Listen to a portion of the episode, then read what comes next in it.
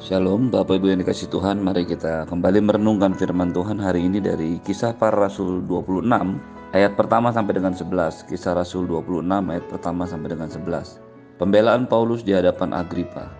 Kata Agripa kepada Paulus Engkau diberi kesempatan untuk membela diri. Paulus memberi isyarat dengan tangannya Lalu memberi pembela pembelaannya sebagai berikut Ya Raja Agripa, aku merasa berbahagia karena pada hari ini aku diperkenankan untuk memberi pertanggungan jawab di hadapanmu terhadap segala tuduhan yang diajukan orang-orang Yahudi terhadap diriku, terutama karena engkau benar-benar tahu adat istiadat dan persoalan orang Yahudi. Sebab itu aku minta kepadamu supaya engkau mendengarkan aku dengan sabar. Semua orang Yahudi mengetahui jalan hidupku sejak masa mudaku, sebab dari semula aku hidup di tengah-tengah bangsaku di Yerusalem. Sudah lama mereka mengenal aku dan sekiranya mereka mau mereka dapat memberi kesaksian bahwa aku telah hidup sebagai seorang Farisi menurut masab yang paling keras dalam agama kita. Dan sekarang aku harus menghadap pengadilan oleh sebab aku mengharapkan kegenapan janji yang diberikan Allah kepada nenek moyang kita dan yang dinantikan oleh kedua belas suku kita. Sementara mereka siang malam melakukan ibadahnya dengan tekun. Dan karena pengharapan itulah ya Raja Agripa, aku dituduh orang-orang Yahudi. Mengapa kamu menganggap mustahil bahwa Allah membangkitkan orang mati? Bagaimanapun juga aku sendiri pernah menyangka bahwa aku harus bertindak keras menentang nama Yesus dari Nazaret. Hal itu lakukan juga di Jerusalem. Aku bukan saja telah memasukkan banyak orang kudus ke dalam penjara, setelah aku memperoleh kuasa dari teman-teman imam-imam kepala, tapi aku juga setuju jika mereka dihukum mati. Dalam rumah-rumah ibadat aku sering menyiksa mereka dan memaksanya untuk menyangkal imannya. Dan dalam amarah yang meluap-luap aku mengejar mereka bahkan sampai ke kota-kota asing. Bapak Ibu yang dikasih Tuhan, sekali lagi kita mendengar kesaksian Paulus tentang hidupnya. Dia membagi kesaksian hidupnya menjadi dua bagian. Yang pertama, kehidupan lamanya. Yang kedua adalah kehidupan barunya setelah bertemu dengan Tuhan kesempatan untuk menceritakan tentang kehidupannya, bersaksi tentang perubahan hidup yang dilakukan oleh Tuhan Yesus, merupakan kesempatan yang diberikan Tuhan kepada Paulus untuk disampaikan, bukan hanya kepada orang-orang Yahudi yang ditemuinya di kota-kota di Asia Kecil, di Yunani, di Akhaya, bahkan di Makedonia, tetapi juga kesempatan diberikan kepada penguasa-penguasa negeri seperti Felix, wali negeri, Festus, wali negeri yang menggantikan Felix, dan kesempatan akhirnya juga muncul untuk dia bersaksi tentang nama Yesus di depan Raja Agripa.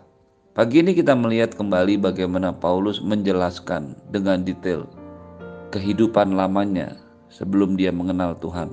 Adalah sebuah langkah yang sangat bijaksana untuk menceritakan latar belakang dirinya karena tuduhan yang diungkapkan, tuduhan yang diberikan kepadanya oleh orang-orang Yahudi, oleh imam-imam kepala, tua-tua Israel adalah Paulus menghilangkan atau meniadakan hukum Taurat dan adat istiadat Yahudi. Paulus melanggar kekudusan bait Allah dan Paulus menghilangkan atau mengajarkan tentang kebangkitan daripada orang mati. Semua yang dituduhkan kepada Paulus tentu saja sama sekali tidak punya dasar dan bukti kejahatan Sebenarnya sejak zaman wali negeri dijabat oleh Felix, tidak ada satupun kesalahan yang bisa dibuktikan terhadap diri Paulus. Begitu juga ketika Festus mendengarkan kesaksiannya. Hal yang sama juga dialami oleh Raja Agripa. Ketika ia mendengarkan Paulus berbicara, Paulus harus menjelaskannya dengan runut dan terinci, terperinci. Itu sebabnya dia berkata, engkau harus mendengarkan dengan sabar Penjelasan ini penting karena ini menentukan akar atau dasar daripada pertobatan Paulus. Paulus menyatakan dirinya hidup sebagai orang Yahudi, sebagai orang Farisi dengan masab yang paling keras. Dia mengakui bahwa dalam keadaan taat kepada Tuhan, merasa mengenal Tuhan, merasa melakukan semuanya kepada Tuhan, tetapi ada satu kontradiktif dalam kehidupannya dia mengatakan bahwa sejak kecil, sejak masa muda, dia sudah hidup di tengah-tengah bangsa Yahudi dengan mentaati semua aturan hukum Taurat. Dia mengatakan dirinya bahwa dia adalah orang Farisi dengan masaf yang paling keras. Semua yang dikerjakan oleh Paulus dan juga oleh orang Yahudi adalah mengharapkan kegenapan janji yang diberikan Allah kepada mereka, nenek moyang mereka. Dan janji ini juga sebenarnya yang dinantikan oleh semua orang Israel. Dalam hal ini digambarkan oleh Paulus ke-12 suku. Mereka melakukan ibadahnya siang malam dengan tekun untuk mengharapkan janji ini. Dan karena pengharapan itulah Raja Agripa aku dituduh orang-orang Yahudi. Paulus ingin meletakkan sebuah dasar dari pengertian tentang kesaksian nama Yesus. Kehadiran Tuhan Yesus dalam dunia ini bukanlah sebuah rencana tiba-tiba daripada Allah. Paulus ingin mengatakan bahwa apa yang dia katakan, apa yang dia alami, apa yang dia beritakan kemudian adalah sebuah kegenapan dari janji Allah. Sesuatu yang dinanti-nantikan oleh orang Yahudi sebenarnya. Kalau saja mereka mau membuka hatinya. Ingatlah ketika Tuhan Yesus dibawa ke bait Allah dan ada orang-orang yang sudah lama menantikan janji itu. Mereka menatang bayi Yesus untuk kemudian berkata, "Sekarang aku boleh pergi dengan tenang." Semua yang diungkapkan oleh Lukas dalam kitab Lukas awal menunjukkan meneguhkan apa yang dikatakan Paulus bahwa kehadiran Tuhan Yesus, kematian dan kebangkitannya merupakan sebuah rencana besar Tuhan rencana yang memang disiapkan Allah sejak semula. Tetapi sama seperti orang Yahudi lainnya, Paulus juga menyadari awalnya dia menentang nama Yesus.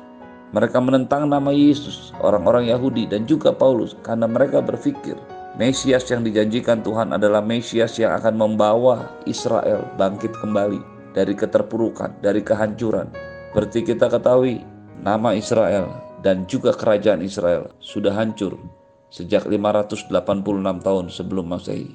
Mereka dibuang baik 10 suku yang di utara dan dua suku yang ada di selatan. Semuanya dibuang ke tempat pembuangan. Ada yang ke Syria, ada yang ke Babilonia, ada yang ke Media Persia. Bangsa Israel bukan hanya dicampakkan dari tempat kelahiran mereka, bukan hanya direbut tanah tempat kelahiran mereka, tapi mereka juga dibuang ke tempat-tempat pembuangan. Tidak pernah muncul lagi eksistensi daripada kerajaan Israel. Inilah yang menjadi dasar pemikiran yang memenuhi setiap orang Yahudi. Sehingga pada saat mereka membaca Taurat, membaca firman Tuhan, mereka berpikir bahwa semua yang dijanjikan Tuhan tentang Mesias itu berhubungan dengan kebangkitan kembali Israel sebagai sebuah kerajaan. Itu sebabnya ketika Tuhan Yesus muncul sebagai manusia, lahir sebagai orang yang biasa, yang tidak mengenakan jubah kebesaran, yang tidak datang dengan kekuatan fisik dan tentara. Mereka menolak. Mereka sudah terjebak ke dalam pemikiran mereka sendiri tanpa mereka sadari bahwa apa yang dikatakan, apa yang diajarkan, apa yang muncul dari semua kehidupan Tuhan Yesus adalah kegenapan daripada janji Tuhan. Itu sebabnya ketika mereka tidak bisa menerima kehadiran Yesus sesuai dengan pola pikir mereka, mereka menentang Tuhan Yesus, bahkan menyalibkannya. Ketika Tuhan Yesus mengajarkan tentang kebenaran, mereka menolaknya karena mereka sudah tertutup dengan pemikiran yang dibuat oleh mereka sendiri dan penafsiran penafsiran yang dibuat oleh rabi-rabi. Mereka lupa bahwa mereka harus kembali sebenarnya kepada firman Tuhan. Itulah yang diajarkan oleh para rabi turun temurun dan itulah juga yang diterima oleh Paulus. Dengan tegas dia mengatakan awalnya dia mengira dia harus keras menentang nama Yesus. Dia berpikir apa yang diajarkan oleh para rabi dengan menyalibkan Yesus adalah sebuah tindakan yang benar untuk memurnikan agama Yahudi mereka. Tetapi tentu saja semua ini bertentangan dengan rencana Allah. Bukannya bertobat dan berubah, menerima keberadaan Yesus, mereka malah menyalibkannya. Dan bukan hanya menyalibkan, tetapi juga menyiksa, menangkap, dan memenjarakan orang-orang yang percaya kepada nama Yesus ini. Dia memasukkan, Paulus memasukkan banyak orang kudus ke dalam penjara. Dia setuju kalau mereka dihukum mati. Dia masuk ke dalam rumah-rumah ibadat untuk menyiksa dan memaksanya untuk menyangkal imannya. Dan dalam amarah yang meluap-luap, aku mengejar mereka, bahkan sampai ke kota-kota asing. Semua pengakuan yang dikatakan Paulus tentang kehidupannya sebelum bertobat menunjukkan betapa kontradiktifnya, betapa bertentangannya iman yang orang-orang Yahudi punya, sama seperti yang Paulus juga punya, dengan kenyataan hidup mereka sehari-hari. Mereka menyangka bahwa mereka beribadah dengan kepada Tuhan, tetapi mereka tidak melakukan seperti yang firman Tuhan ajarkan.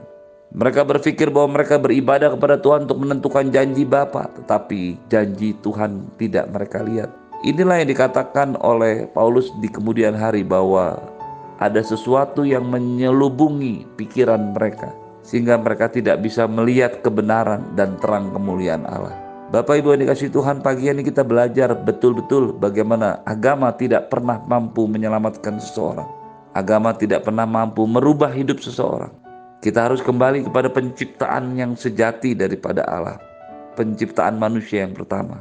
Sama seperti Adam dan Hawa menjadi makhluk yang hidup, menjadi manusia setelah dihembusi roh Allah. Manusia akan kembali ke dalam pengertian yang benar kepada Tuhan, tentang Tuhan, dan cara beribadah yang benar ketika ia mengalami perjumpaan pribadi dengan Tuhan, mengalami pewahyuan yang baru, dan mengalami perubahan dalam hidupnya karena memiliki roh Allah. Inilah yang akan memampukan setiap orang percaya berubah hidupnya bukan hanya karena pengajaran firman Tuhan, tetapi karena ada roh Allah yang mewahyukannya di dalam dirinya. Apa yang dilakukan, apa yang diceritakan oleh Paulus tentang kehidupannya adalah juga menggambarkan kehidupan orang-orang yang beragama saat ini dan menjadi sebuah refleksi bagi kita yang merasa juga beragama. Agama tidak pernah bisa menyelamatkan kita. Yesuslah yang menyelamatkan kita. Agama tidak bisa pernah mengampuni dosa kita. Yesuslah yang mengampuni dosa kita. Agama tidak pernah berhasil mengembalikan roh Allah ke dalam diri kita. Karena Yesuslah yang berkata dengan jelas, lebih baik aku pergi kepada Bapa supaya roh Allah, roh kudus turun ke atas kamu. Yesuslah yang menjadi pola teladan sejati bagi kehidupan kekristenan kita. Dengan mengampuni dosa, dengan mengembalikan roh Allah kembali ke dalam diri kita dan dengan menjadi sebuah teladan kehidupan bagaimana berhubungan dengan Tuhan dan bersikap dalam hidup sehari-hari. Yesus menjadi satu-satunya juru selamat yang mungkin untuk membawa kita kepada Tuhan, yang bisa membawa kita kembali kepada Tuhan. Pagi hari ini pastikan dirimu sudah menerima Yesus sebagai Tuhan dan juru selamat pribadi. Pastikan dirimu memiliki Yesus dalam hatimu. Karena hanya dengan itulah kita bisa diselamatkan dan memiliki kehidupan yang kekal, serta mengalami perubahan-perubahan dalam hidup kita sehari-hari. Di dalam nama Yesus, semua yang percaya katakan, Amin. Shalom Tuhan Yesus memberkatimu.